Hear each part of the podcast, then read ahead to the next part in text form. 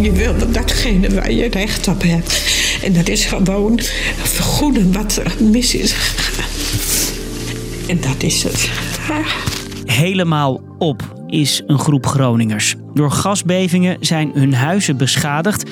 Maar de oplossing laat jaren op zich wachten. En ondertussen zitten ze in onzekerheid of hun huis het houdt bij een volgende beving.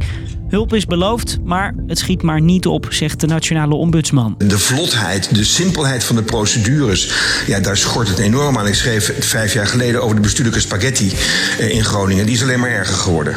Ik ben Marco en vandaag leg ik in een minuut of vijf uit hoe slepend de afhandeling voor Groningse gasbevingsslachtoffers is. Lang verhaal kort. Een podcast van NOS op 3 en 3FM.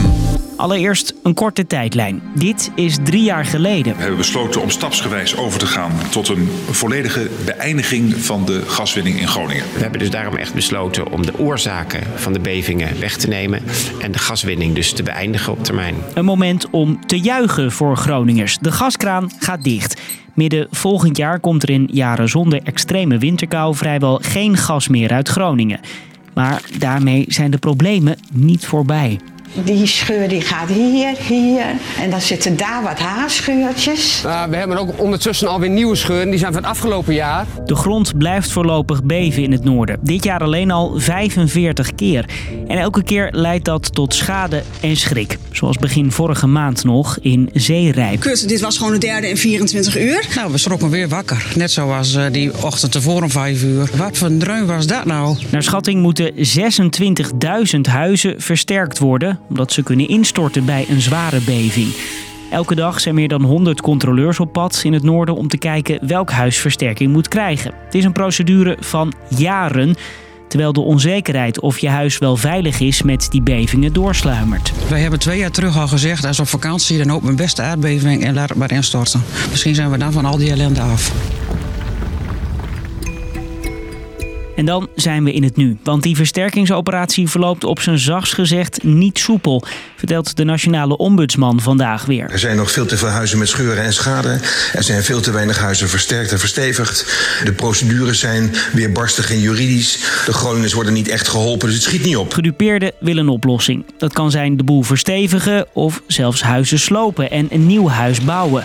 En daarvoor wordt eerst opgemeten hoe erg de schade door de bevingen is. Dat loopt niet goed. Vier verschillende bureaus doen dat en beoordelingen zijn niet altijd gelijk. In dezelfde straat met dezelfde huizen krijgen mensen een andere beoordeling. In totaal heeft buurman uh, 7000 euro mogen ontvangen voor alle scheuren.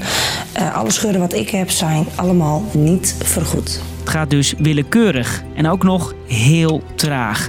De hele beoordeling voor je huis weer veilig is duurt gemiddeld 4,1 jaar. Vier jaar waarin de grond blijft trillen. De afgelopen vier jaar ben ik gewoon heel erg boos geweest op, op de stroperigheid van het hele proces. Je krijgt onderzoek op onderzoek. Dan krijg je weer een brief omdat dat veranderd is. Of als je in, het versterkings, in de versterking zit, hoor je vervolgens maanden, jaren niets. Het merendeel van de Groningers zit hier nog middenin. En al die jaren strijd doet veel met mensen.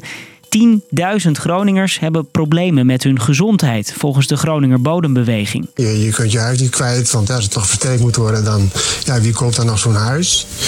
Je krijgt spanningen ook met, met buren, ook tussen, uh, tussen echtgenoten enzovoort. Wat gaan we doen? Gaan we versterken, ja of nee? 2000 van de 26.000 meldingen zijn nu opgelost. Het staatstoezicht op de mijnen zegt dat die afhandeling inmiddels sneller gaat.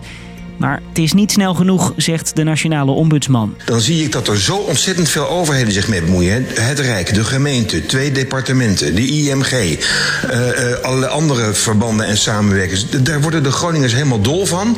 En de overheden onderling worden er volgens mij ook dol van. Een bestuurlijke spaghetti, Groningers die hopeloos wachten. Hoe kan dit beter? Dan blijven we even bij die ombudsman. Hij vindt dat de gasproblemen als crisis aangepakt moeten worden. Het lijkt nu wel heel erg als het gaat over alleen maar de procedures. Zijn er goede stappen gezet? Hoe zit het met de juristen? Allemaal uiteindelijk als je daar woont in het gebied en je hebt schade en je voelt je onzeker en je bent het vertrouwen kwijt. Die doen er helemaal niet toe. Is dit P van de A-Kamerlid het mee eens? Ik denk wel dat ze steeds in die Haagse en in die bestuurlijke werkelijkheid gaan zitten met rechtmatigheid en iedereen gelijk willen behandelen en ieder, elk groepje met een model In plaats van dat ze gewoon met mensen om tafel gaan zitten en kijken hoe zie je de toekomst van eh, je dorp voor je? Wat is daarvoor nodig?